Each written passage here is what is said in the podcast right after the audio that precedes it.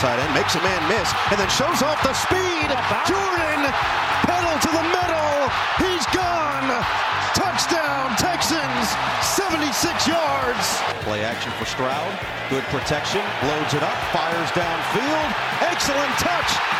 Perfectly delivered. Touchdown, Dalton Schultz. And one, Tua fakes it, takes the shot downfield for Hill. Got to come back. Tyreek got it inside the 10. Keeps running to the end zone. Touchdown, Tyreek. Checo fakes the pitch. Bounces left into the end zone. Touchdown, Kansas City. Prescott fires for Brooks, and it's intercepted. Jair Alexander, he's got it up on his feet, racing to the end zone, and he's in. There's love, pressure, back foot throw, end zone. It is caught for the touchdown. Dontavian Wicks. Goff looking to throw, throws back the end zone. Laporta, touchdown Detroit again. Across the middle, Sherfield was knocked out. Shakir knocked down inside the 10. Oh, what an effort! The play of the night. Well inside field goal range, lofted up. Godwin, touchdown, Tampa Bay. Second and four. Here's another broken tackle. This is the rookie Trey Palmer, and he is gone. Touchdown, Buccaneers. En dit is NFL op woensdag, jouw Nederlandstalige podcast over de NFL. De National Football League. En de wildcard ronde staat in de boeken. En in beide conferences strijden nog vier teams voor een plekje in de Super Bowl. Ja, aan elkaar getaped met uh, Ubuprofen probeer ik het vol te houden in NFL op woensdag seizoen 4 aflevering 28.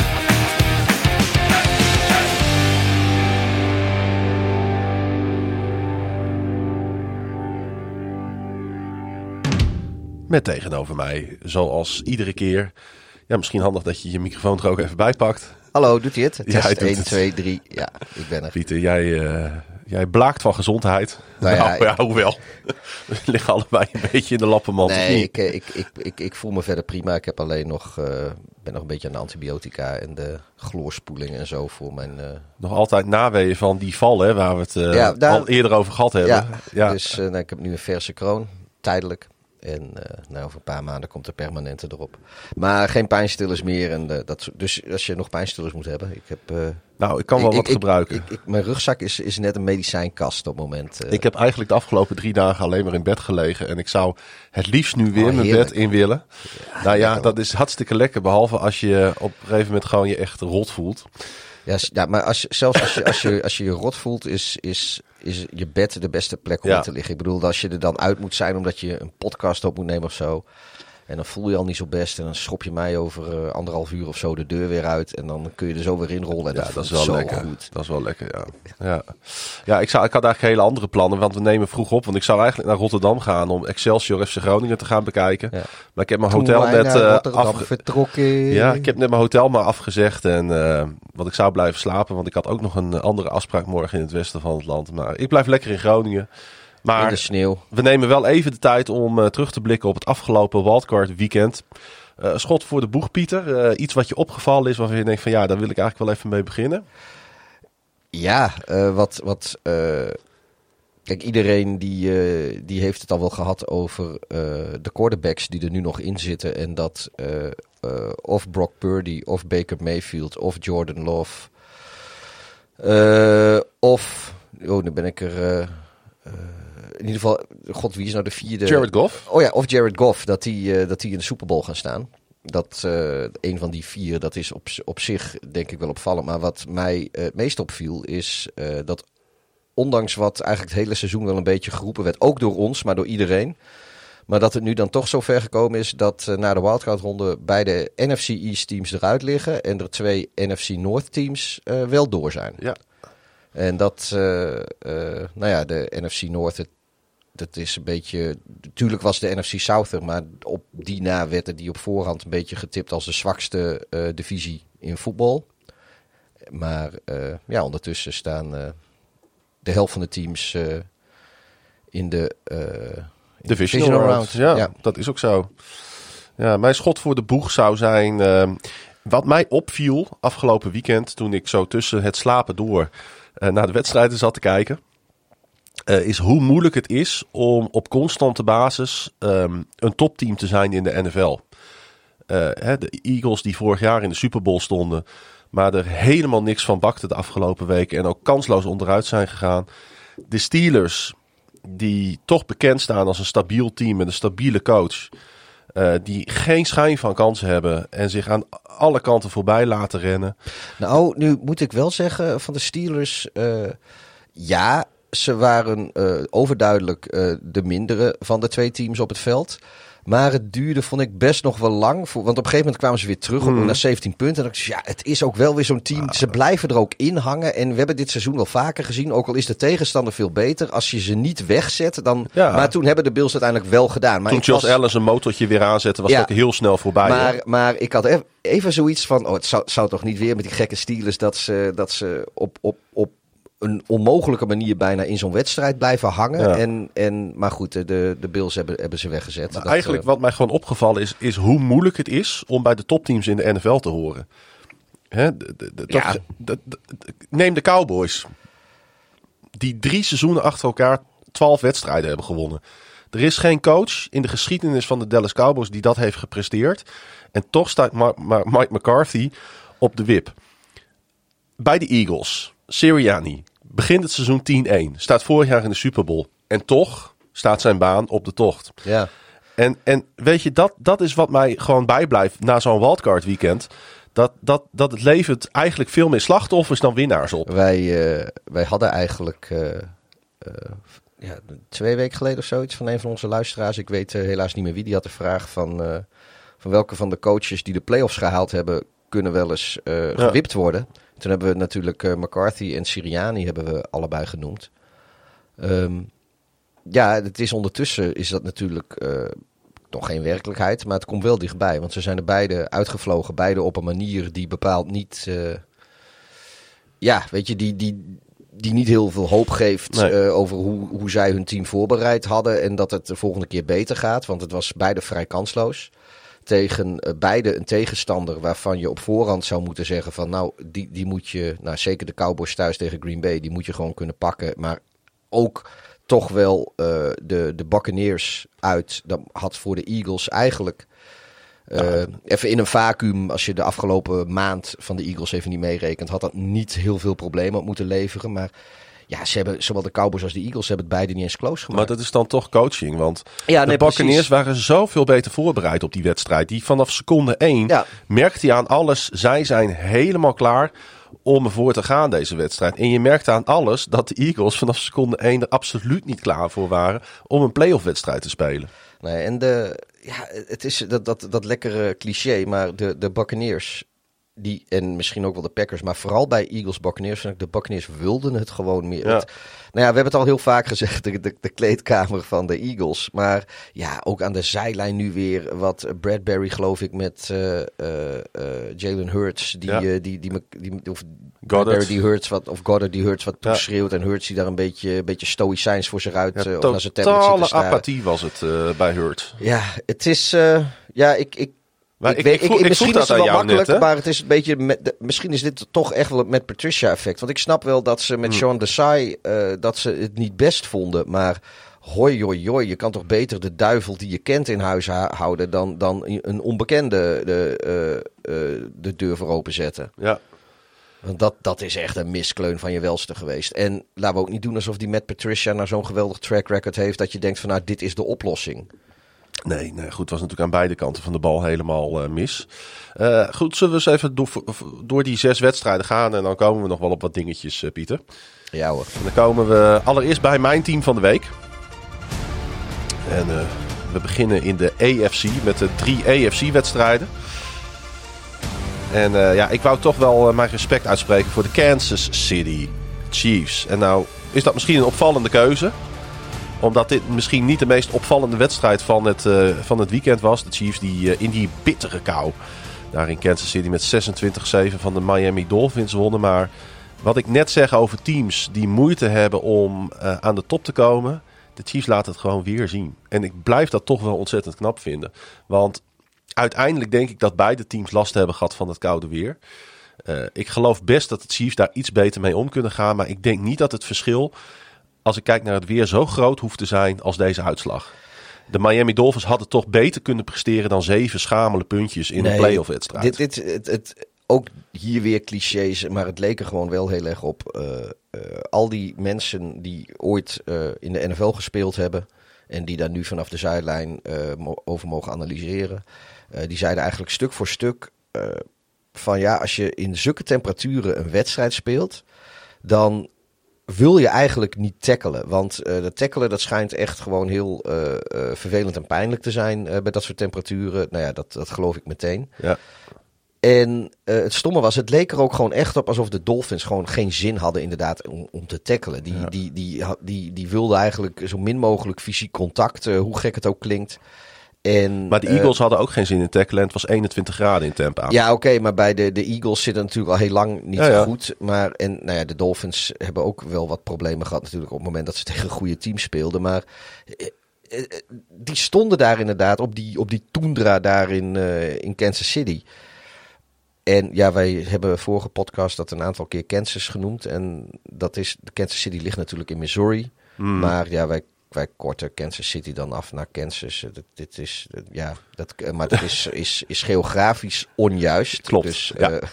eh, maar, maar goed, ehm, die toendra in, in, in Missouri. Het is en hier zij- trouwens ook een aardige toendra aan het worden in Groningen. Als ik zo naar buiten kijk. maar, maar, Nee, wij nemen niet vaak bij daglicht op. Zo ziet het er dus ja, uit ik- in Groningen Ik zat ook te kijken van, oh, we hebben een nieuwe plopkap op de microfoons en zo. Ik denk, ja, dat, ik zie ze ook natuurlijk alleen maar bij kunstlicht. Ja. Nee, maar, maar ja, die, die, die, die Dolphins die stonden er, om dan maar even te allitereren, er miserabel bij in Missouri. Want ja, ze, ze wilden er gewoon niet zijn, leek het wel. Van, van, en ja, dat, dat zie je al eh, op het moment dat ze naar buiten komen. En dat, eh, Weet je hoe lang je dat al ziet? Al 24 jaar. Want de Miami Dolphins hebben namelijk ondertussen de grootste playoff windroogte, de langste playoff windroogte in de NFL. Die hebben in 2000 voor het laatst een playoff wedstrijd gewonnen. En nu de Detroit Lions natuurlijk afgelopen weekend hebben gewonnen, zijn het de Miami Dolphins. Ja, we hebben het niet over een klein team, hè? We hebben, een, we hebben het over een team wat zijn sporen in de jaren 80 en 90 in de NFL echt verdiend heeft. En ze zijn de hele eeuw al een niet-zeggende factor in de National Football League. Al 24 jaar lang. En daarom trof het mij misschien ook wel zo deze nederlaag van de Dolphins. Want ik weet wel, ik, ik, ik, ja, ik, kan me, ik kan me gewoon geen voorstelling maken hoe het zou zijn om bij een gevoelstemperatuur van min 35 een American voetbalwedstrijd te spelen.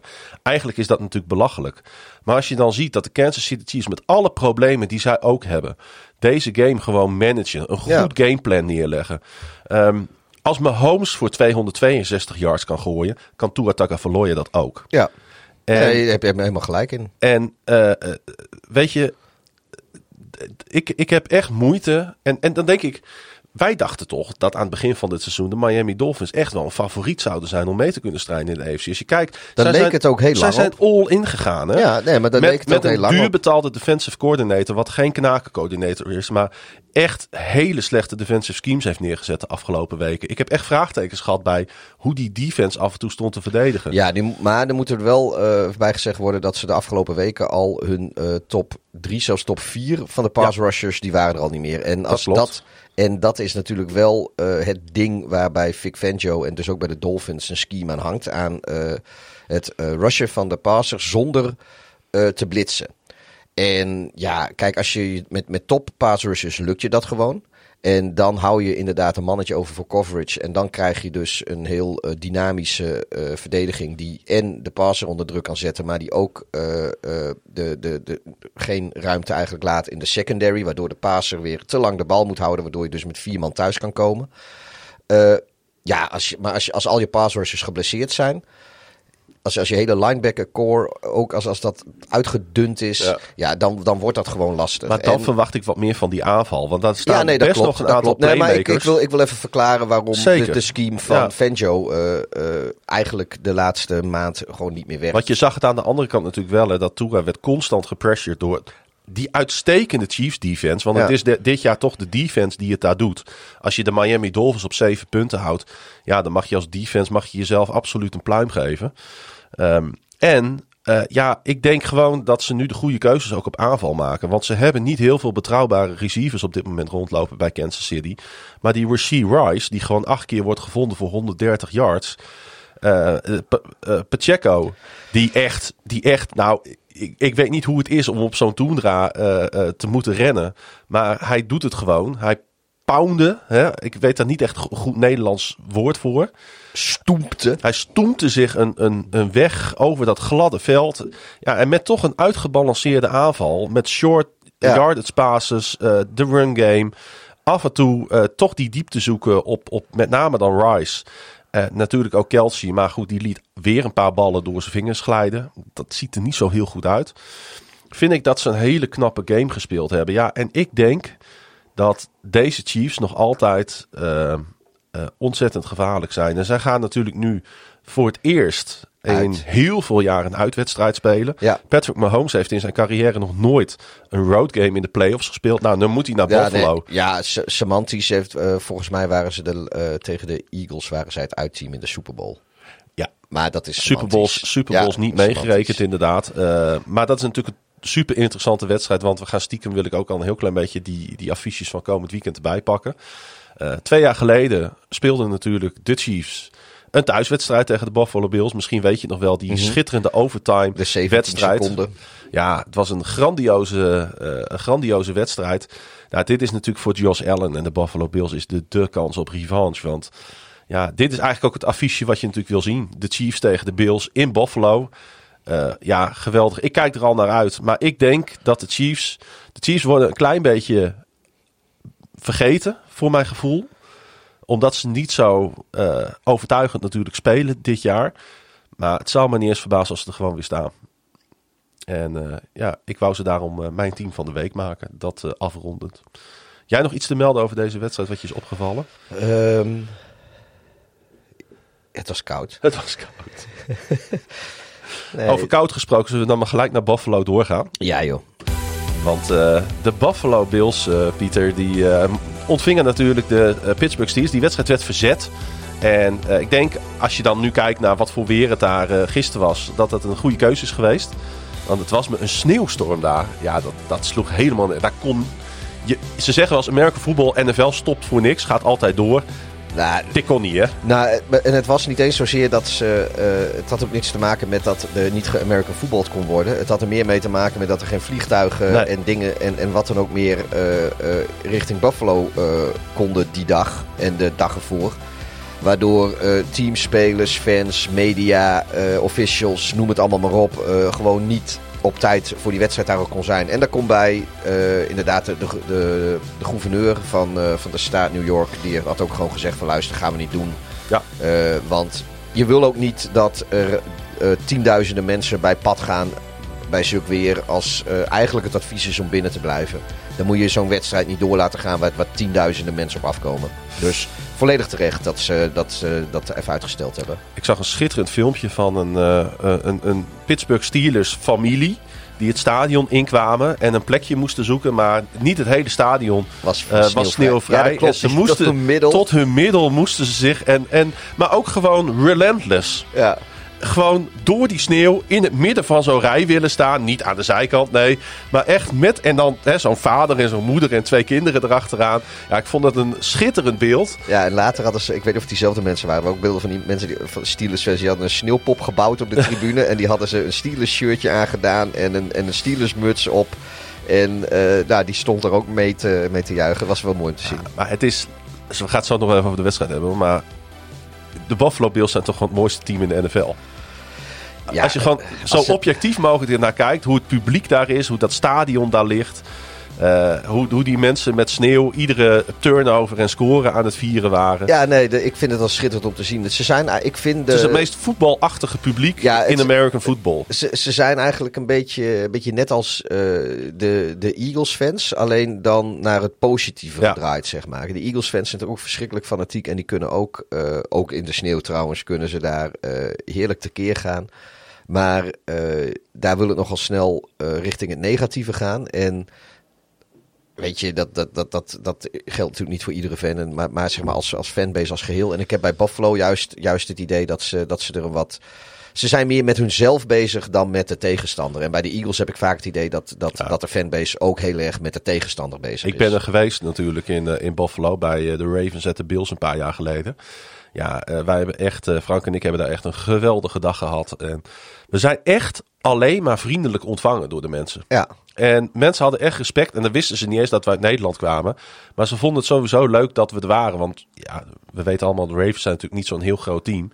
Als het om fanbase gaat. Dus eh, wij werden echt gewoon door iedereen gecomplimenteerd. Want ja, dat Buffalo is niet zo makkelijk bereikbaar. En dat blijkt zeker in de winter wel weer. Eh, maar ze gaan gewoon door, Pieter. Want ja, dit, dit mochten ze natuurlijk niet weggeven tegen de Steelers. Die eh, ja, ook echt wel klaar. Het is toch wel opvallend, weet je. Eh, Steelers hebben, zijn het seizoen echt onder high note geëindigd. Met die hele knappe overwinning in Seattle bijvoorbeeld. Mhm. Zag er echt heel goed uit. Ehm, ze misten natuurlijk Watt. En dan merk je bij de Steelers wel gelijk dat het een, een, een- een, een klap minder is. Dan, dan vliegt gewoon die defense in niveau een, heel, een hele train naar beneden. Ze zijn volgens mij uit mijn hoofd zijn ze zonder Watt zijn ze 1-11 nu. Dus dat betekent als hij niet speelt, dan Ja. verliezen ze bijna eh soort van gegarandeerd. ja. Dat is natuurlijk wel een issue dat je zo afhankelijk bent van één speler. Hè? Ja, kijk, nu is, is eh, TJ Watt is natuurlijk een, een, een nauwelijks geëvenaard talent. Maar eh, ja, het is wel heel, heel typerend hoe, hoe, hoe hij eigenlijk eh, belangrijker is voor, voor, eh, voor de Steelers en hun prestaties. Dan welke quarterback eh, sinds Ben Roethlisberger in elk geval dan ook. Want inderdaad, zelfs met, eh, met, met de, de, de, de Trubisky's en de, de, de, de Pickett's en de Pickens, Pickens, ik vergeet altijd wie wie is. en, eh, maar, maar noem al alles maar op wat ze, Ja. wat ze daar eigenlijk sinds, sinds Roethlisberger eh, wel geprobeerd hebben. Eh, zelfs daar is het verschil tussen winst en verlies niet zo groot als bij het wel of niet meedoen van TJ Watt. En dat vind ik gewoon heel raar. Ik zat daarover na te denken. Ehm, ik denk dat de Steelers er baat zou kun, bij kunnen hebben dat ze een hele, eh, dat ze een hele duidelijke. eh, nou, laat ik het zo zeggen. Waarom zouden de Steelers niet draft capital, capital opgeven om naar de eerste seed te gaan? Nou ja, een paar eerste ronde picks en TJ Watt, ja, kom maar op. Waarom niet? Nee, maar ik meen dat serieus. Want nou ja, TJ Watt zou ik dan, die, gaat, die gaan ze natuurlijk niet wegdoen. Maar op offense hebben ze goede wapens. Ze hebben een redelijk receiverkorps op dit moment. Maar daar kunnen ze in de free agency nog wat eh, aan bijspijkeren. Ze hebben een hele goede running back room op dit moment die ook eh, begon te draaien. Dus er is wel degelijk potentie. Ze hebben een uitstekende defense. Eh, ze hebben een goede defensive line. Ze hebben een minder goede O-line. Maar daar kunnen ze wat aan doen in de latere rondes van de draft. Want daar ligt de value daar.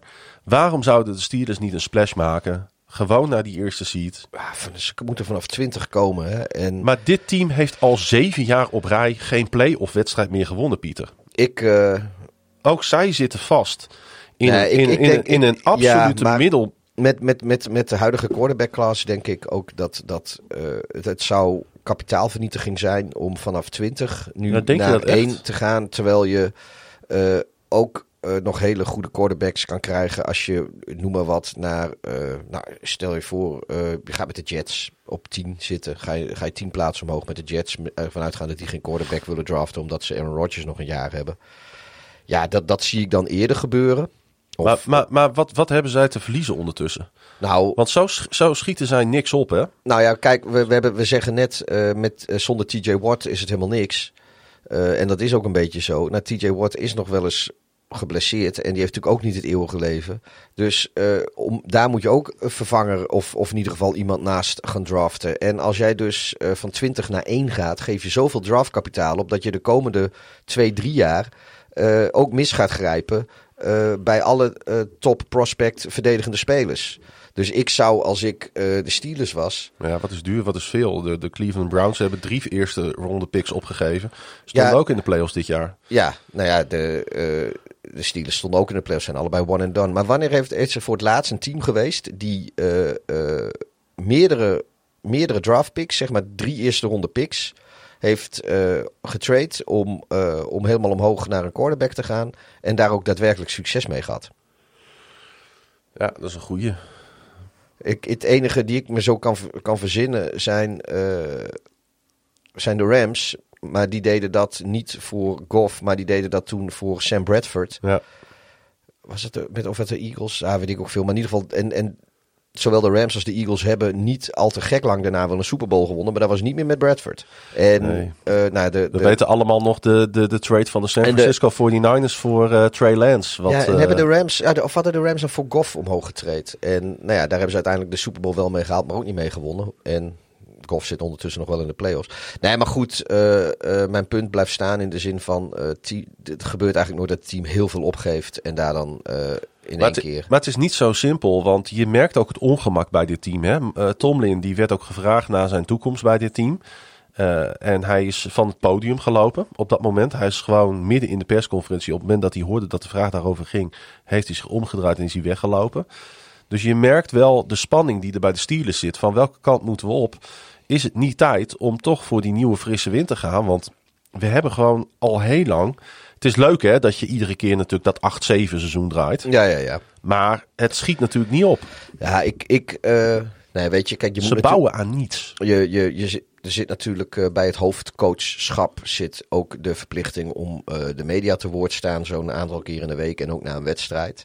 Maar ergens kan ik me ook wel voorstellen van als jij net de laatste wedstrijd van het seizoen hebt gespeeld, je bent de playoffs uitgevlogen en de, je krijgt meteen een vraag over jouw toekomst, terwijl je daar natuurlijk zul je er in je hoofd misschien al wel over nagedacht hebben. En eh, misschien is het in het in de wandelgangen heb je het er met het team ook wel een beetje over gehad, informeel. Maar de echte gesprekken moeten er allemaal over, nog over gaan. Ik, ik snap wel je zoiets van, joh, daar gaan we het helemaal niet over hebben. En eh, ik, ik vind het... Ja, ik snap dat er vragen gesteld werden. Ik neem het die journalist ook niet kwalijk. Maar ik kan het Tomlin ook niet kwalijk nemen dat hij zegt van... Ja, sorry man, maar daar, eh, hier, hier heb ik geen zin in. Nou ja, dat zegt hij niet. Hij is gewoon weg. Ja, nee, maar, maar in, in non-verbaal zei hij dat eigenlijk. Ehm, er ging van alles mis bij de Steelers. Eh, de, de, de Bills hadden die hele openingsfase stevig in handen. Een eh, touchdown op Dawson Knox. Ik wist niet dat hij nog bestond, maar hij ving opeens een bal. Dus hij speelt nog voor de Bills. Ehm, en toen kwam het moment dat George Pickens opeens een bal eh, losliet na een catch. Op, in eerste instantie werd die fumble niet toegekend. Maar na een challenge van eh, Bills headcoach Sean McDermott... eh, ging de bal alsnog naar de, de, de Bills. Ehm, en onmiddellijk werd dat balbezit omgezet in, de tweede touchdowns. Op Dalton Kincaid, die prima spelende rookie tight end van de Bills. Eh, ja, toen hadden we natuurlijk allemaal al een beetje door dat het een hele lastige avond voor de Steelers ging worden. En toch, na een gemiste field goal, was er een soort van momentum shift. Want in plaats Die van dat geblokte het- field goal. die geblokte field goal, goed, eh, inderdaad, het was niet gemist, hij was geblokt, waardoor ook nog eens de Steelers goede, goede eh, field position kregen. Ja. Dus het werd geen 24-0 bij rust, maar het werd 21-7. En toen voelde iedereen al aan van, oh, dit is toch een andere uitgangspositie zeg maar voor die tweede helft dan, eh, dan, dan als het 24-0 was geweest, was het natuurlijk gewoon voorbij geweest. Ja. En dit zijn, daar merk je toch dat Ja, en ook de Bills zeg maar zijn niet een team dat vier kwarten lang een tegenstander de wil op kan leggen. Nee, dat klopt. Het werd zelfs even nog, de, de, de Bills, of de Steelers kwam op ook op 10 punten. En dat is wat ik zei. Toen had ik even... toen werd het 21 17-24, Ja. ja. één score. En op een gegeven moment had ik zoiets van, ja, dit is... Dit, de, de, de Bills die scoorden wel, maar de, de Steelers toen ook steeds. En die, die bleven dus inderdaad, nou wat ik, wat ik eh, eerder zei, die bleven gewoon hangen. Waardoor eh, het toch spannend was, terwijl het eigenlijk niet spannend had moeten zijn. Nee. En, eh, maar je weet hoe de, hoe de, nou, de Bills die kunnen ook nog wel eens een wedstrijd verkontjen af en toe. Dat hebben ze al een poosje niet gedaan, maar in het begin van het seizoen regelmatig. De Steelers, die, ja, dat is zo'n team die, die kunnen eh per ongeluk in één keer een wedstrijd winnen. Eh, omdat ze gewoon nooit weggezet worden. En eh, ja, dus in, in die zin eh, ja, was het nog niet gespeeld. Maar ja, uiteindelijk hebben de Bills natuurlijk hartstikke terecht gewonnen. En Ja. uiteindelijk ook gewoon met, met twee scores verschil. Dat is helemaal terecht. Ehm, Ja, dat, dat, dat, dat staat buiten kijf. Eén play die ik er nog even wil uithalen, dat was die 52 yard scramble van Allen. Ja, daar Ja. zie je toch wel, en dat is natuurlijk ook, ja, we- dit is gewoon een Super Bowl plafond quarterback. Als je begrijpt wat ik daarmee bedoel. ja, en, ze, en nou ja, voor de, tegen de Chiefs ook. Die mogen een borst nat maken. Want de Bills die eh, zullen zo min, zo min mogelijk willen punten. Ja, Want eh, de punter die, eh, die, die Ja. zijn hamstring eh, bij, eh, Dat was een opvallend moment. Sam Martin. bij, ja, bij hij. die, Ja. bij- ja, hij was de holder voor de, voor de geblokte field goal. En hij Ga ging, als ging achter die bal nou aan. nooit achter een bal aan. Het is niet jouw taak. Nou ja, het is, als, als hij er niet achteraan was gaan, heb, je- heb je best kans dat... eh eh, ja, geeft misschien wel een touchdown weg. Ja. Maar eh, nee, het was, het was een ongelukkig, ongelukkig moment voor hem. Ja. De Bills ontvangen dus de Chiefs in, ja, ik denk een wedstrijd waar iedereen wel naar uitkijkt. Ik ben in ieder geval ontzettend benieuwd hoe, ja, hoe deze teams zich tegen elkaar gaan verhouden komende, komende divisional round. Ja, en dan was er natuurlijk nog die eh, derde AFC playoff wedstrijd, Pieter. eh, die Ja, niet helemaal uitpakte zoals velen dat hadden verwacht, denk ik. Want de Cleveland Browns kregen een enorm pak slaag van CJ Stroud en de Houston Texans. Hoe heb jij naar deze wedstrijd zitten kijken? Ehm, nou, ik, eigenlijk eh, zijn, de, zijn de Texans wel mijn, mijn honorary team van de week. Want ik heb, ik heb een andere, maar dit, dit had ook heel makkelijk mijn team van de week kunnen zijn. Ik, ehm, ik vond het wel mooi. Ik, ik hoopte ook echt dat de Texans eh, en Stroud hier eh, van, van zich zouden doen spreken. En ja, dat hebben ze ook gedaan op een manier. Ze hebben in eh, helemaal niets teleurgesteld, hè? ik heb geloof ik niet veel wed- wedstrijden goed voorspeld, ook deze, deze wildcard ronde, maar deze wedstrijd dan toevallig wel. Ehm, ja, het, het, wat ik zei, het, het verbaasde me een, niet zozeer dat de Texans wonnen, maar de manier waarop eh, was wel echt Ja, indrukwekkend. ontzettend dominant. eh. Eh, wat is de laatste keer dat jij een rookie quarterback zo verschrikkelijk goed seizoen hebt zien spelen? Ehm, gisteren. Nee, zondag. Zondagavond. Jordan Love. Ja, dat is geen rookie quarterback. Ja, oké, het voelt als een rookie. Ja, Maar dat is natuurlijk niet. Nee, een echte rookie. ja, Cam Newton. Cam Newton, ja, daar zat ik ook aan te denken. Het eerste jaar van Michael Vick. Was ook vrij indrukwekkend volgens mij. Eh, ja. Archie Free. Ja, maar, dit, ja, maar dat, uiteindelijk was, is, is dit toch. eh, Maar dit, wat, wat, wat, wat, wat hier in, in Houston gebeurt, het één na slechtste team vorig jaar in de NFL, eh, staat bij de laatste vier teams in een conference waarvan we aan het begin van het seizoen hebben gezegd, ja, als je hier bij de laatste vier teams komt te staan, dan heb je echt wat in je mars. Want laatste acht. Ja, met de laatste vier van de AFC. Ja, oké. Want de AFC zat natuurlijk vol met. eh, ja, je zou natuurlijk kunnen zeggen, als je heel flauw wil zijn. Ze hebben een klein beetje geprofiteerd natuurlijk van alle blessures die er zijn geweest in de AFC. Eh, de- Ja, maar Strout is ook een poosje geblesseerd geweest. Oh, even. Ja. Heeft ook eh, drie wedstrijden gemist met de concussion. Met de hersen, eh, hersenschudding inderdaad. Ehm, maar even de Cleveland Browns. Die toch wel indrukwekkend met Joe Flacco. die laatste fase van het seizoen vrij steady op die vijfde seat kwamen te staan. Omdat de Baltimore Ravens natuurlijk iets te ver van ze afstonden. Eh, dan moeten ze uit naar de Houston Texans. En dan denk je van ja, het is toch de 38-jarige Joe Flacco tegen de 22-jarige CJ Stroud. Ja. Eh, Flacco die alles al heeft gezien en meegemaakt. Die echt vier hele goede wedstrijden heeft gespeeld Ja, voor ik de denk, ik Browns. denk dat, eh, dat het, het, het probleem van de Browns, of een van de problemen van de Browns, was dat zij niet een first, first round bye hadden. Want ik denk dat zeker Joe Flacco een weekje rust wel had kunnen gebruiken. Want de, de, ja, de- de- hij zag er nu weer uit als de, de versleten Joe Flacco die we bij de Jets, De Jets, ook hebben ja. gezien. En, de, de, de, en, en hij leek op de Joe Flacco waarvan zeker de helft van de fans in Baltimore in zijn laatste seizoen zeiden van ja, kom op man, eh, breng, eh, breng Lamar maar in, want eh, hier hebben we ook geen zin in. Ik denk dat zijn intercepties daar het beste voorbeeld van waren. Hij Ja, het probeerde, was een echte oude, oude Flacco in negatieve ja, zin weer. hij probeerde onder een sec uit te komen. Maar deed dat door de bal in de handen van een tegenstander te gooien. Nou, een veteraan quarterback als Joe Flacco mag die fout natuurlijk nooit maken. Kijk, die tweede interceptie die was op fourth down. Toen al een beetje desperation time was. Die, daar had ik wat minder moeite mee, omdat dat kan gebeuren. En je kunt op... Je, speelt op fourth down, hè, dus je raakt de bal sowieso kwijt als je niets doet. Ehm, maar het zorgde er wel voor dat in twee vingerknippen deze wedstrijd opeens 14-38 stond. Ja, dit is toch wel een oor. En, maar ook de Browns, eh jemig man. Het is echt een losing team, hè? Iedere keer als het erom gaat, iedere keer als ze er staan, als ze het weer eens een keer mogen proberen, dan lukt het van geen kant. Ja, ik, eh, Ik, ik weet ook niet waar het, waar het eh, aan lag deze keer. Kijk, die, die, die defense die had het natuurlijk ook eh, al een poosje moeilijk. Die hebben dan een beetje weer wat een tweede adem gekregen in het seizoen toen, toen Flecko best wel goed speelde. Maar ja, de hele tweede seizoenshelft eh, waren, de, waren de Browns natuurlijk niet meer die, die dominante factor, de defense, als die ze de eerste seizoenshelft waren. Ja. Dat, dat, dat was al een. En ja, het, het- ik, ik, ze missen denk ik dan ook weer net wat, wat spelers eh, eh, aan beide kanten van de bal die, die bepalend zijn. Maar ja, goed, dat, dat geldt voor alle teams hoor. Dus daar moet je ook gewoon op kunnen vangen.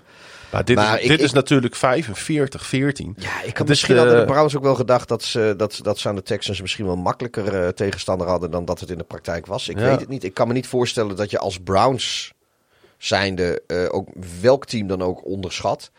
Maar eh, Nou, het begon allemaal nog wel lekker. Ik had in het begin van die wedstrijd zoiets van... hey, dit kan wel eens een hele toffe wedstrijd worden. Want de, de, de Cleveland Browns maakten gewoon een touchdown in het eerste en tweede kwart. Alleen ja, eh, toen ging het natuurlijk op het eind van het tweede kwart... en in de tweede helft ging het helemaal mis. Ik las zelfs dat het hun ergste postseason los is eh, sinds 1968. Toen ze met 24, eh, 34-0 van de Baltimore Colts verloren. Ja, je kunt een playoff wedstrijd verliezen. ja, maar 31 punten verschil is gewoon, is gewoon een inmaakpartij. Precies. Ehm, ja, de vraag is nu natuurlijk hoe ver kunnen deze Browns eh rijken met eh, CJ Stroud. Zij moeten nu naar Baltimore op eh, bezoek bij eh, de number one seed, de Ravens. Eh, zie jij de Texans nog een keer verrassen? Dat, eh, Of zijn de Ravens toch echt wel van een ander kaliber dan de Cleveland Browns? dat bewaar ik voor de andere podcast, voor de voorspellingspodcast. Kan ik nu geen uitspraak over doen.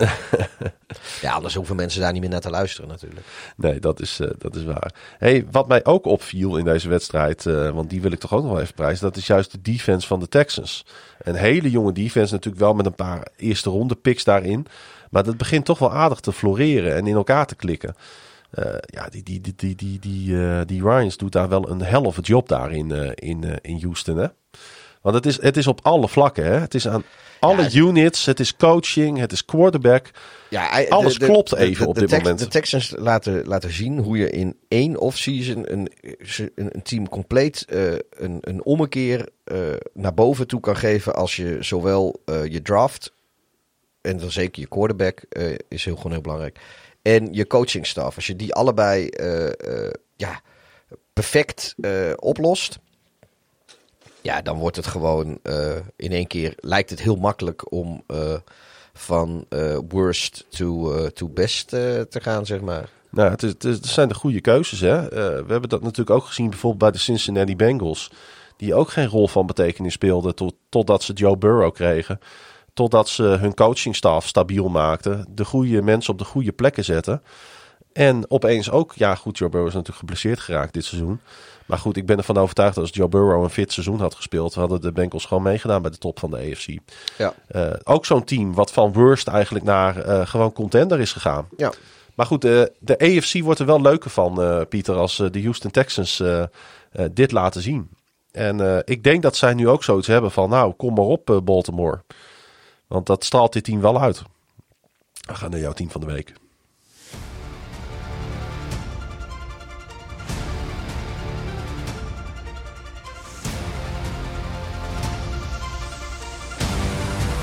En dat eh, mag eigenlijk geen verrassing zijn, maar eh, de Tampa Bay Buccaneers, die wil jij graag eh, extra in het zonnetje zetten. Ja, we, we hebben dit seizoen al een aantal keer eerder genoemd, maar dit is het team wat, eh, waar op voorhand eh, niemand wat om gaf. Wij hebben, hem, eh, we hebben, we hebben ze ook afgeschreven in, in augustus. Maar ook de quarterback waar niemand om gaat. En nou ja, dat, daar, dat, dat, daar wil ik inderdaad ook nog naartoe. Uiteindelijk, ze hadden niet zoveel geld te spenderen naar het hele Brady Super Bowl verhaal. Dus er moest gewoon een, eh, een goedkope veteraan quarterback komen. En de enige eigenlijk die ze konden betalen was eh, eh, Baker Mayfield. Een soort uit, de uit, de, uit de aanbiedingsbak. Weet je wel, die je vroeger bij de Free Record Ja. Shop had je altijd zo'n zo'n knakenbak waar je, waar je dvd's en zo uit kon trekken. Nou ja, daar hebben zij eh, Baker Mayfield eigenlijk uitgehaald. En ehm, ja, hij is eh, dan ook mijn biertopper van de week. Week, week, week, week. Pa, pa, pa. Pa, pa, pa, pa. Ja, je bent moe hè? En ziek en, en zielig. Ah. Er zit weinig energie in mij. Er zitten ook eh, mensen die, eh, die Klaas-Jan wel eens ontmoet hebben, die, eh, die weten hoe moeilijk het is. Maar hij, hij ziet er ook echt uit als een klein vogeltje nu. Een klein zielig vogeltje. Ik ben ook naar de dokter gegaan. Is dat zo? Dr. Pepper. Naar Dr. Pepper. Dr. Oppepper. Zal een Ja. lijntje kook eh, erin eh, in verwerken. Maar de Buccaneers, eh, Pieter. Ja, kijk, ze hebben natuurlijk inderdaad een jasje uitgedaan volgens heel veel mensen. Maar als je kijkt naar het team toch wat er eh, staat en stond. ehm, ja, eh, weet je, eh, Mike Evans die laat, heeft wel een paar drops gehad deze wedstrijd. Maar Chris Godwin heel erg goed. Ik vind die tight end, die Kate Otten, die... zich-. Kate Otten, Oh, dat, dat klinkt ook gewoon echt alsof er zo'n iemand is uit Hogeveen. Oh, die... eh, dat zo heette de ijskoolboer in Hogeveen ook, Willem Otten. en Otten Transport. die eh, een echte Hogeveense naam. Ja, Otten. Die, eh, die speelt heel erg goed. Het- op die verdediging is het echt genieten met die rookie, die Yaya Diaby. Eh, Devin White speelt geweldig. Eh, Vita V, die daar in het midden iedere run van de Philadelphia Eagles tegenhield. Ja, eh, we kunnen wel zeggen dat, dat, dat, dat misschien aan het begin van het seizoen hadden we niet zo hoge verwachtingen van hun. Ah, staat toch wel een heel goed NFL-team. Ja, nou ja, goed. Ja, die verdediging die is inderdaad prima. Hun receiving core is prima. En het is natuurlijk ook zo op het moment dat dingen dan lukken, dan vallen ook veel meer stukjes op hun plek. En dan worden spelers die in een, eh, bij, een, team waar het niet zo goed gaat, eh, totaal niet op zouden vallen. Of misschien zelfs negatief op zouden vallen. Die worden dan in één keer. eh, gaan ze ook hun bijdrage leveren.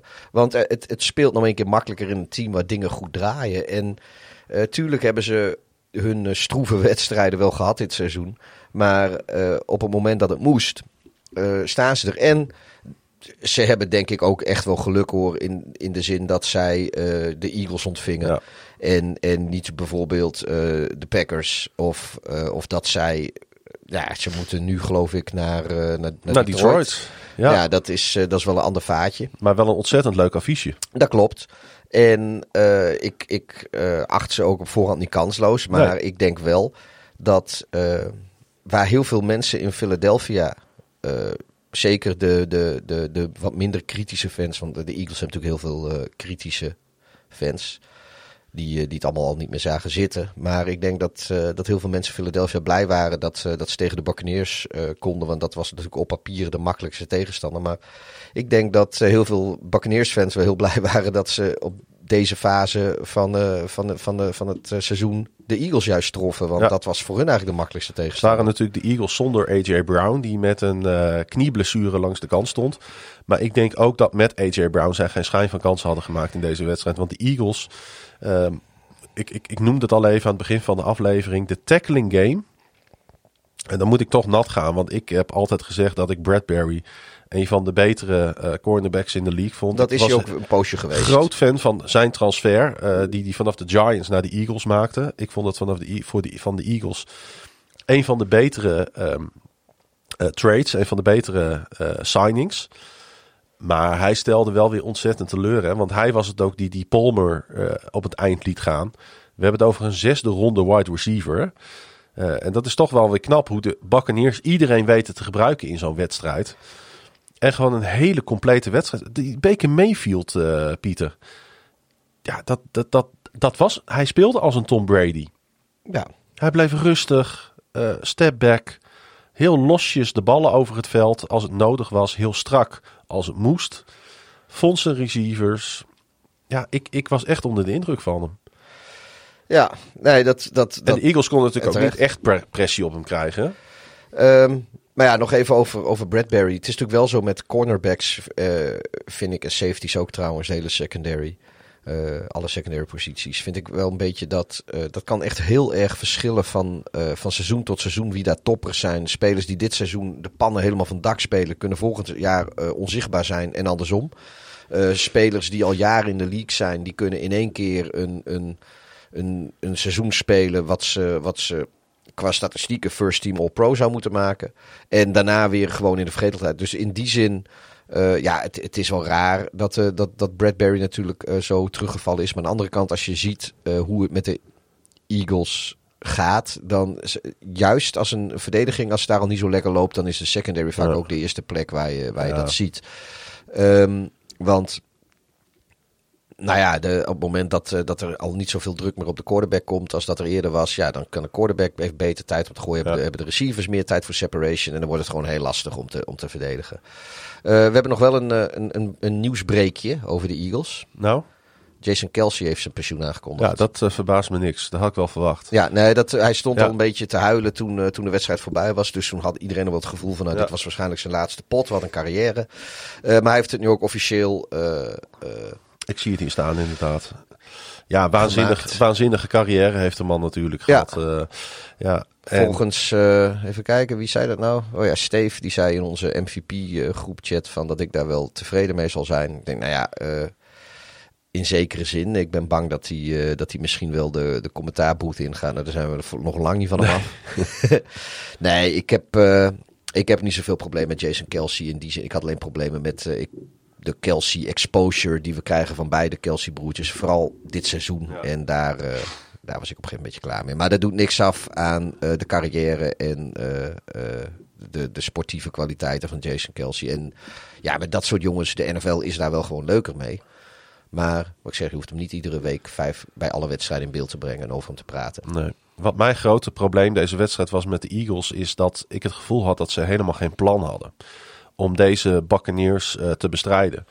Eh, elke keer wanneer de Tampa Bay Buccaneers blitzten of met grote pressie kwamen, had Jalen Hurts geen idee wat hij moest doen. Maar dat, de, de Eagles speelden, spelen al weken zonder Dit deze is de aanvallend, NFC-kampioen. Ja, hè? aanvallend weten ze niet zo goed wat ze moeten doen. Verdedigend ziet het er allemaal een beetje, beetje niet. Het is, ze zijn gewoon in de, eh, in de afgelopen vijf, zes weken zijn zij gewoon door een, door een, voor hun door een ondergrens gegaan.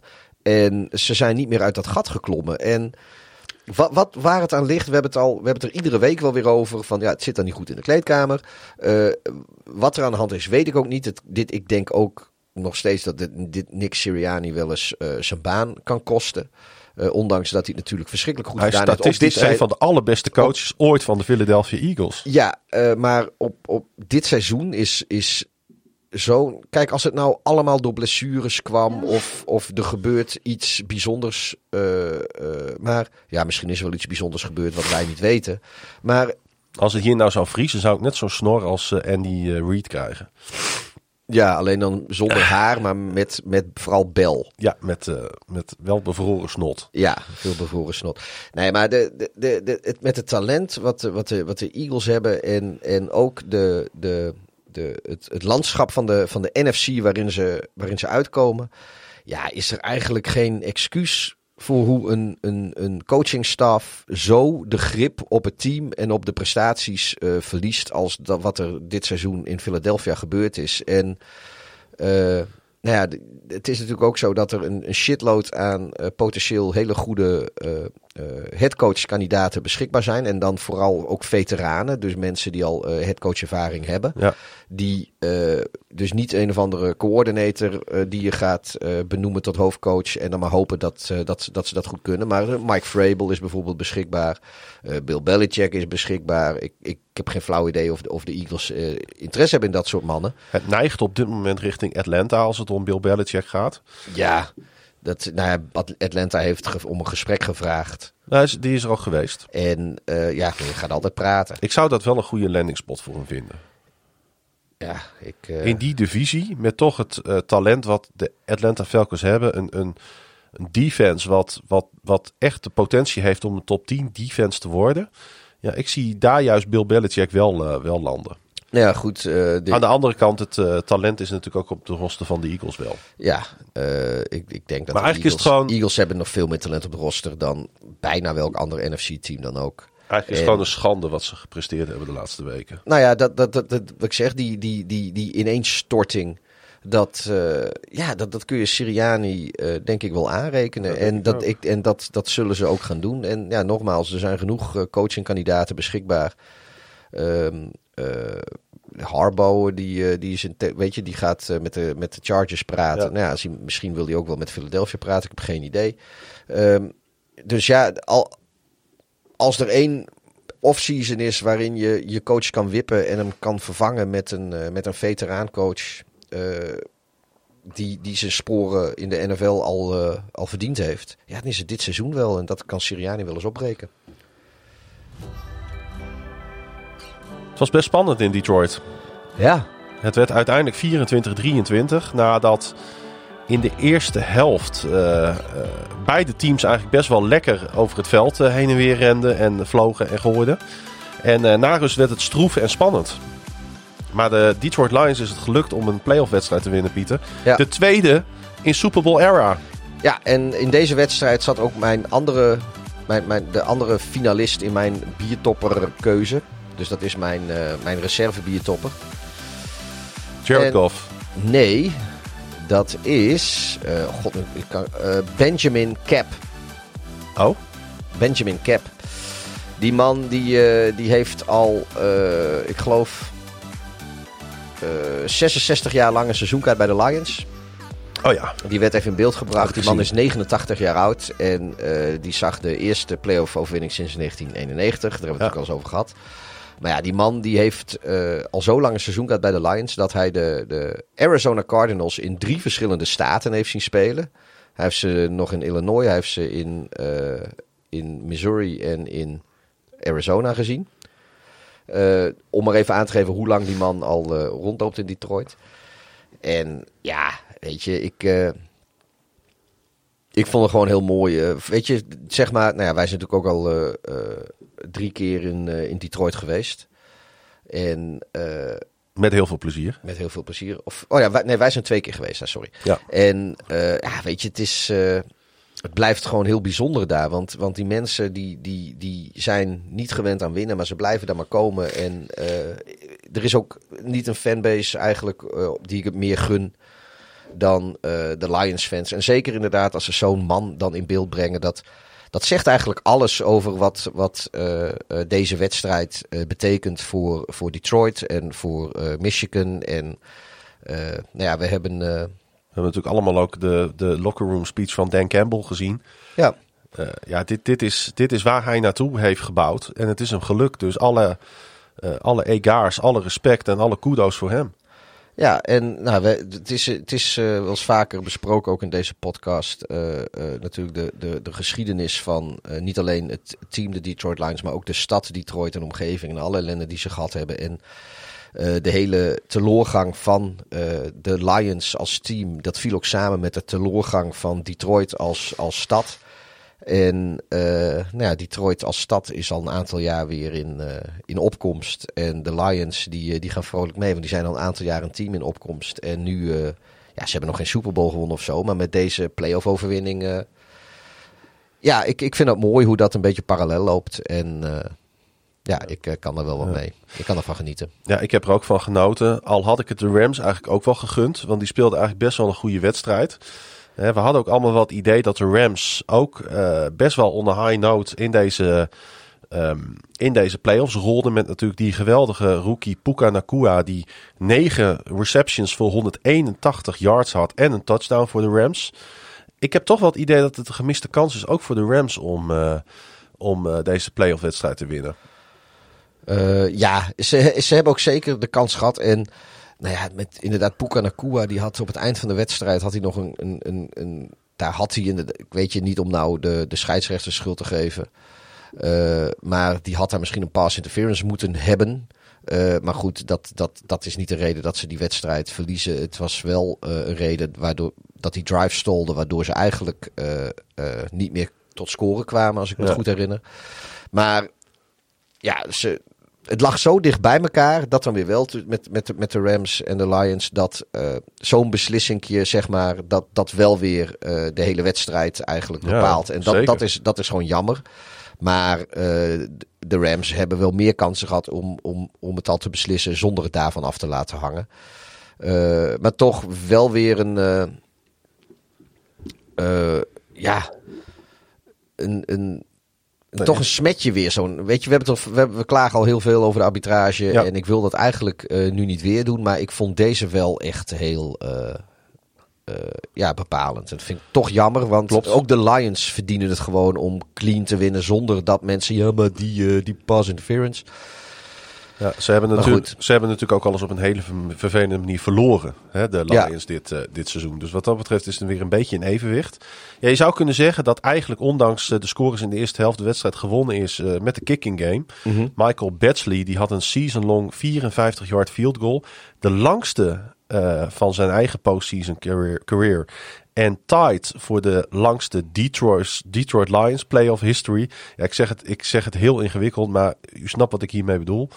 Ehm, kijk, het zit hem wel op details in zo'n wedstrijd die in 24-23 eindigt. En dat zo'n 54 yarden er dan ingaat. Ja, dat werpt dan wel zijn vruchten uiteindelijk af. Als je kijkt naar de eindscore. Ja, nee, ieder, ieder, zeker in deze wedstrijd, ieder punt is Ja. belangrijk. Kijk, bij de Texans eh, hadden ze makkelijk een keer een field goaltje kunnen missen. Dat had helemaal niet zoveel, dat niet zoveel uitgemaakt. En het Maar- werd gewoon zenuwachtig na, na rust. Eh, ja, het zat, hem, eh, het zat hem in kleine dingetjes af en toe. Hey, eh, laatste wedstrijd, ehm, eh, de Green Bay Packers. eh, want ik merk dat ik, dat ik me steeds slechter ga voelen. Dus we gaan proberen om een beetje een einde aan te breien. De Green Bay Packers en de Dallas Cowboys. Ja, het, het e-check van, eh, van, de, van de Dallas Cowboys, Pieter. Ja, ook, Het ook is, het is je, je, je wint 16 thuiswedstrijden op rij. ze maken- 2022 Open, dat was de laatste wedstrijd die ze in eigen stadion hebben verloren. En ze zijn, want de stand doet nog niet eens recht aan wat er gebeurd is. Want er zijn nog wat Nee, garbage, garbage punten van gescoord. de, van de eh, Cowboys maken het op het scorebord nog een beetje draaglijk. Hoewel de Cowboys defense die 48 punten om de oren krijgt. Dat kan ook. Ja, de, de, de Packers en eh, eh, Love en eh, ook Aaron Jones, die, die, die waren gewoon ontketend. En voor zover ik dat kan inschatten, en ik ben echt een leek, maar ik zie dan die Mike McCarthy die play scrollen aan de zijkant. En het valt allemaal ongelukkig uit. Ja, nee, natuurlijk. ehm, Hij wil het zo graag en hij wil laten zien dat hij dat kan. Maar Dak Prescott die speelde ook gewoon zenuwachtig. Die, die, die, die was voordat de wedstrijd begonnen was, Ja. bij de warming-up bijna al, dus liep hij al een beetje als een, als een hertje in de Ja, koplampen. Zo, zo keek hij om zich heen. En nou, dan, dan Hij probeert hij op de, met de pressie omgaan. probeert hij op de eerste drive probeert hij die bal ook te forceren naar CD Lamb. eh, als, als, als de Packers op een openingsdrive natuurlijk al gescoord hebben eh, met een touchdown. Dan krijgen de, de Cowboys de bal en hij forceert hem naar Lamb. En ja, dan heb je Jerry Alexander die, die hem intercept. Het, werd er geen pick six. Hoewel, volgens mij zat hij in de intro als klonk het Ja. alsof het wel een pick Ja. six was. Maar dat was het niet. Maar het commentaar was gewoon leuk. Dus ik heb hem in de intro gezet. Nee, maar die, die gooit dan de interception. En uiteindelijk scoren de Packers daar natuurlijk wel gewoon ook weer uit. En ja, dan, dan heb je gewoon een, een, een uphill battle. Is daar eigenlijk een Nederlands eh equivalent van? Een, Nee. vast vast wel, maar daar komen wij dan weer een niet beetje, op. beetje vechten tegen de bierkaai was het eigenlijk voor de Cowboys. Ja, ja zo- zoiets, ja. Want wat ze ook deden, het werkte allemaal niet. Nee. Eh, en ik wilde graag één speler uitlichten. En dat is eh, de running back van de Green Bay Packers, Pieter, Aaron Jones. Eh, die de mijn biertop van de week, week, Week, week, week, oh. Aaron Jones. En wat ik nou het mooie vind aan die Aaron Jones, hij is daar opgegroeid in Texas. En Emmett Smith is zijn grote idool. Eh, de- Emmett Smith, de, de all-time eh, eh, eh, runner van, eh, van de eh, Dallas Cowboys. Eh, het is ook zijn team. Het is ook het team van zijn vader die overleden is. En hoe hij dan tekeer gaat voor de Packers tegen zijn favoriete team eh, op de plek waar hij vandaan komt. Eh, ja, ik vond het toch mooi om te zien. Ja. En die Aaron Jones die loopt al een tijdje rond in de NFL en bij de Packers. Is een tijdje helemaal uit beeld geweest. Een tijdje geblesseerd Een geweest. tijd geblesseerd geweest. Ja, en hoe hij nu voor de Packers eh, een, een hoofdrol vervult. Ehm, kijk, ik, ik denk ook dat Jordan Love kan eh, floreren dankzij Aaron Jones. Nee, die wisselwerking is wel heel belangrijk. ze, hadden, ze hadden natuurlijk een goed gameplan. Want eh, ze, had, ze hadden inderdaad die, eh, die, die Cowboys defense. Die heeft de laatste tijd wat, wat moeite met, met de run game. Als die zo on the nose is. Nou ja, dat, dat deden ze met Aaron Jones natuurlijk heel veel. Zij wisten Daardoor- dat als we Jones in stelling krijgen, dan maken wij een goede kans in Dallas. Ja, want, want op dat moment moet, moeten de Cowboys eigenlijk een extra verdediger in de, ja, in de box zetten. Waardoor eh, er in de, second, in de secondary eh, blijft er dan ruimte over Wel- voor de receivers. wel- welke, en, welke secondary? Nou, in de secondary. Nee, maar ik bedoel, ik bedoel dat meer een beetje Ja, grappend. maar- want, maar goed, want die secondary die gaf natuurlijk helemaal niet Nee, want daar, daar, Wat kwam een nu, gaten vielen daar. daar, daar kwam nu meer ruimte. En dan hebben ze gewoon een eh, goede O-line. En dan heeft Jordan Love, die heeft daar alle tijd in de pocket om, om zijn vrije receivers uit te zoeken. En, en heel methodisch eh, de, de, de, de- ja, de, de Cowboys uit elkaar te, te gooien. Eh, ook een beetje op zijn, eh, op zijn Tom Brady, zeg maar. eh. en ja, de, de, de Packers hadden gewoon een, een verschrikkelijk goed gameplan. En de Cowboys hadden helemaal niks om er tegenover te zetten. Die, dus ze, ze konden de run niet stoppen, ze konden de pass niet stoppen. En iedere keer als ze dachten dat ze, dat, dat, dat ze de run wel gestopt hadden, nou, dan kwam er weer een, een, of een goede paas uit. En andersom. Ja, het, het, het- wat zei, het was een uphill battle. Het was vechten tegen de Ja. big guy. En anders Eh, was het wel die talentvolle defense van de Green Bay Packers die thuis gaf. Met bijvoorbeeld natuurlijk die eh, interception return van 64 yards van Darnell Savage. Ja, ik had, eh, ik had van de verdediging van Green Bay weinig verwacht. Maar ik moet ook eerlijk zeggen, ik had van eh Dak Prescott en de Cowboys eigenlijk wel wat verwacht. En ik vond, ja, Prescott, die, die ja... Nee, die, eh, die heeft daar een beetje een, eh, een potje van zitten maken. Het, het, het aanvallende gameplan was al niet zoveel. Maar ik bedoel, het, het is, ja, weet je, hij gooit uiteindelijk wel voor 400 yards. Maar de, Misschien nog even een huiskamervraagje tussendoor. Hebben we nog niet gehad, hè? Mag dat? Mag we eentje niet? doen? voor mij wel. Je jouw huiskamer. Wie was de laatste quarterback die won in Dallas voor Jordan Love? Eh, in Dallas. Ja. Oh, dat zou dan eh, Aaron Rodgers wel eens geweest kunnen zijn. Nee, Tom Brady. Oh. Tom Brady en de Tampa Bay Buccaneers wonnen namelijk week 1 van het seizoen 2022 eh, eh, bij, de, bij de Dallas Cowboys. Dus dat is dan toch wel grappig. dat, dat, nou ja, dat zegt, dat zegt ook wel weer iets, zeg maar. Dat het nu Jordan Love is, de, de nieuwe generatie die, die het daar weer eens doet. Ehm, ja, de Cowboys, Pieter, die hebben toch wel echt een probleem ondertussen. Want eh, Ook die... eh, zij zijn sinds 1998 nu al acht keer one and done in de playoffs. Ze hebben de NFC Championship game eh, niet meer gehaald sinds 28 jaar geleden. En het is ook nog eens steeds kansloos. Ze hebben dan toevallig één playoff wedstrijd vorig jaar gewonnen. Natuurlijk van een ja. toen Tampa Bay Buccaneers, waar het echt niet meer draaide. Die ook per ongeluk toen divisiekampioen zijn geworden. Een hele andere Tampa Bay Buccaneers die we afgelopen speelronde hebben gezien. Ja, wat moet er bij de Cowboys veranderen om de boel eh, weer een beetje vlot te trekken? Ik denk dat die net zo zitten als, eh, als de Eagles. En eh, die McCarthy die kon wel eens op straat gezet gaan worden daar. Ja. En ook zij je- zullen, zullen gaan... Gaan drie, drie seizoenen op rij een 12-5 se- eh, seizoen gedraaid. Dat is Ik- niet misselijk. Ik denk dat zij, eh, zij zou, zouden wel eens achter, eh, achter Vrabel aan kunnen gaan ook. Ik, ik vind Vrabel meer nog dan bij de Eagles, vind ik hem bij de Cowboys wel passen. Hm. Ehm, ja, kijk, eh, het zou ook wel... Ik, ik, ik denk niet dat, dat, dat Bill Belichick naar de Cowboys wil, omdat hij waarschijnlijk niet wil dat...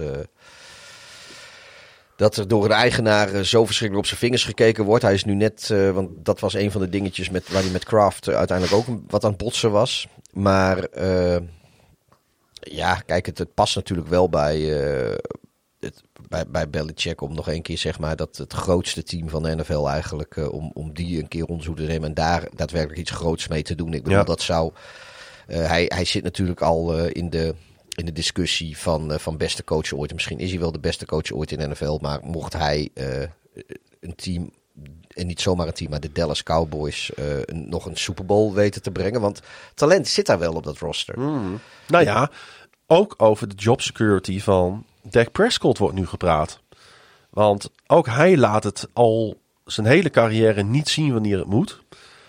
Is Dak Prescott wel de juiste quarterback voor de Dallas Cowboys? Want ik ben het helemaal met je eens. Dus Hij, speel, hij speelde als een coaching- onervaren rookie. Kan, eh, is, kan ook een coaching kwestie zijn, hè? Ik bedoel, eh, Ja, dat kan. Ja, want ik was echt niet eh, onder de indruk van de playcall van Nee, eh, als- McCarthy deze Nee, wedstrijd. kijk, ik, ik, ik vind ook dat ze veel te weinig risico hebben genomen in deze wedstrijd. Nee, maar als, als jij nou een, een, een goede coach bent en wij zitten voor de televisie en wij zien al van nou, die, eh, die Prescott die, die ziet er niet uit alsof hij is heel zeker van zijn zaken is op dit moment. Dan ga je toch, begin je die wedstrijd, ongeacht wat de tegenstander op dat moment doet, begin je inderdaad juist inderdaad met wat low risk, medium reward plays. Eh, weet je, een paar completions, eh, eh, een paar first downs, zonder splashy te zijn, zodat die quarterback wat vertrouwen krijgt. En dan kun je vanuit daar kun je die wedstrijd gaan spelen. Want dan krijgt zo'n quarterback vanzelf wel vertrouwen. Maar laten we nou niet doen of, alsof Dak Prescott niet weet hoe hij moet quarterbacken. Maar dat gebeurde niet. En, en ja, er, er wordt eigenlijk gewoon, er worden plays gecalled zoals die altijd gecalled worden. En ja, dan zit daar meteen die interceptie zit er al bij. Ja, dan is dat zelfvertrouwen van hem is natuurlijk helemaal. Ja. Dus ik vind dat dit is ook een co- coaching kwestie. Je kan het, eh, je kan het zo'n zo'n Prescott niet kwalijk nemen hoeveel die ook betaald wordt en hoe goed hij ook is. Dat hij eh, die druk waarvan iedereen wist dat hij op deze wedstrijd zat ook voelt. Maar dan is het juist aan de taak van de coach en de coördinators om, om die druk wat weg te nemen. eh, door, die, door, door de wedstrijd met wat makkelijkere plays, met wat easy completions te beginnen. Zodat zo'n jongen wat vertrouwen krijgt. En dan kun je van daaruit die wedstrijd gewoon spelen. Het is wel opvallend, want eh, de Green Bay Packers zijn wel een beetje de Achilleshiel van de Dallas Cowboys aan het worden.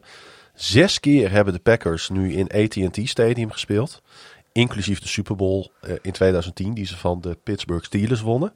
Daar weet ik niks van dat seizoen. Ik was daar wel blij mee. Ehm, en zes keer hebben ze daar gewonnen. Dat is niet veel teams gegeven dat ze dit record, een 6-0-0-6 record hebben daar in, eh, in AT&T Stadium. Ja, de Cowboys winnen. Is dat, is dat, dat kan toch niet. geen toeval meer zijn? De Cowboys winnen op Lambo eigenlijk ook niet. Nee. Eh, Maar dit moet natuurlijk, eh, ook Mike McCarthy moet wel aanvoelen natuurlijk dat hij, laten we het maar gewoon heel plain en simpel zeggen, gefaald heeft. ja. Nu is het wel zo natuurlijk dat, eh, dat Mike McCarthy wel degelijk gewonnen heeft in AT&T Stadium. Maar dat was met de Packers. Ja, Ehm, ja, over Achilleshielen gesproken trouwens. en angstgekeners. De, de Packers die mogen nu tegen hun playoff angstgekener. Of sowieso eh, hun angstgekener. Want dat is... eh, de San Francisco 49ers. Ja, Ja. De, de- natuurlijk. Kijk, er, er zijn verschillende quarterbacks aan beide kanten nu. Of, of nou ja, nu hebben de Packers dan ook een andere quarterback. Eh, maar de, de, de 49ers hebben met, met compleet verschillende rosters, verschillende coaches, verschillende quarterbacks. Hebben ze iedere keer op de een of andere manier toch eh, de Green Bay Packers eronder weten te houden. Ehm, Maar ja. ik heb toch het gevoel dat alle roadteams niet kansloos zijn. De Houston Texans die gaan met een enorm goed gevoel naar Baltimore. De Green Bay Packers gaan met een heerlijk gevoel naar San Francisco.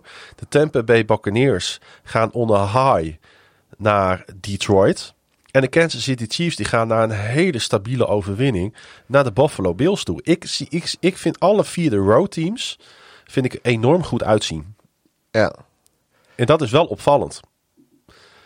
Dat ik bij geen van die wedstrijden het idee heb dat het automatisch, eh, dat hij automatisch naar het eh, thuisspelende team gaat. Dat zou ook eh, zo moeten zijn in de divisional playoffs natuurlijk. We hebben Maar ze hebben echt allemaal een hele goede prestatie Ja, maar uiteindelijk zit je nu natuurlijk met eh, de, de beide top 4's van de conferences. En eh, ja, dat, dat, dat, dat zijn, zouden in principe, zouden dat, als de playoffs hun werk goed doen, dan zouden dat eh, wedstrijden zijn die in regular season ook toss-ups zouden zijn. Ja.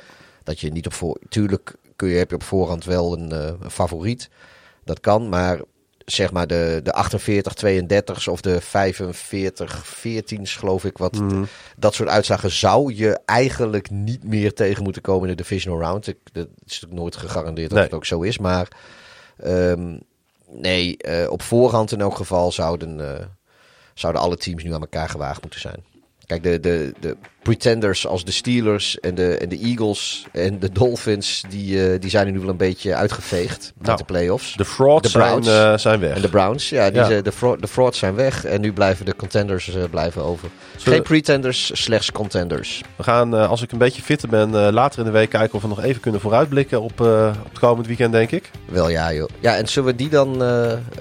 die gaat dan niet achter de muur deze keer. Nee, hè? die gaat voor het muurtje. Die ja, dus die iedereen. kunnen, iedereen die dit kan horen, kan die ook horen. Ja. ja, dat is gewoon een cadeautje van ons. Ja, omdat wij ons eh, genereus voelen. En omdat deze wat korter is. Ja, Ik ga lekker minust weer in. nou, dat, eh, dat moet dan maar. En eh, Ik kruip er nog even naast, want ik, ik moet over een half uur eh 200 meter verderop zijn. moet je iemand oppikken. Ja, Oeh, dat, klinkt heel spannend. Ja. Hey Pieter, bedankt voor jouw komst. Ik bedank mezelf dat ik me nou ja, in kleren gehezen heb en naar de niet zolder ben gelopen. Ik vind je badjas ook sexy. Ja, oké. Ja, ja. Daar goed, ben ik gewoon eerlijk over. Ja, ik, ik, nou ja, ik, ik, ik weet Ik ook wel... je, moet, eh, je moet ook niet eh ik weet ook wel wanneer ik, ik weet wel wanneer ik lekker ben. Ja, je, je, je- mensen moeten daar niet zoveel eh achter zoeken. Het is heel prima om uit te komen voor je seksuele voorkeuren. En jij in badjas. oeh. En mensen, kom lekker de Super Bowl kijken in Groningen. Ja, dan heeft uh, Klaas-Jan geen badjas aan, garandeer ik jullie. Nee. Dus dat, eh, dat blijf je dan bespaard. Goed, iedereen bedankt voor het luisteren. En eh, tot later deze week, wanneer we nog even kort vooruit gaan blikken op de Divisional Round. Tot de volgende. Beste maar weer.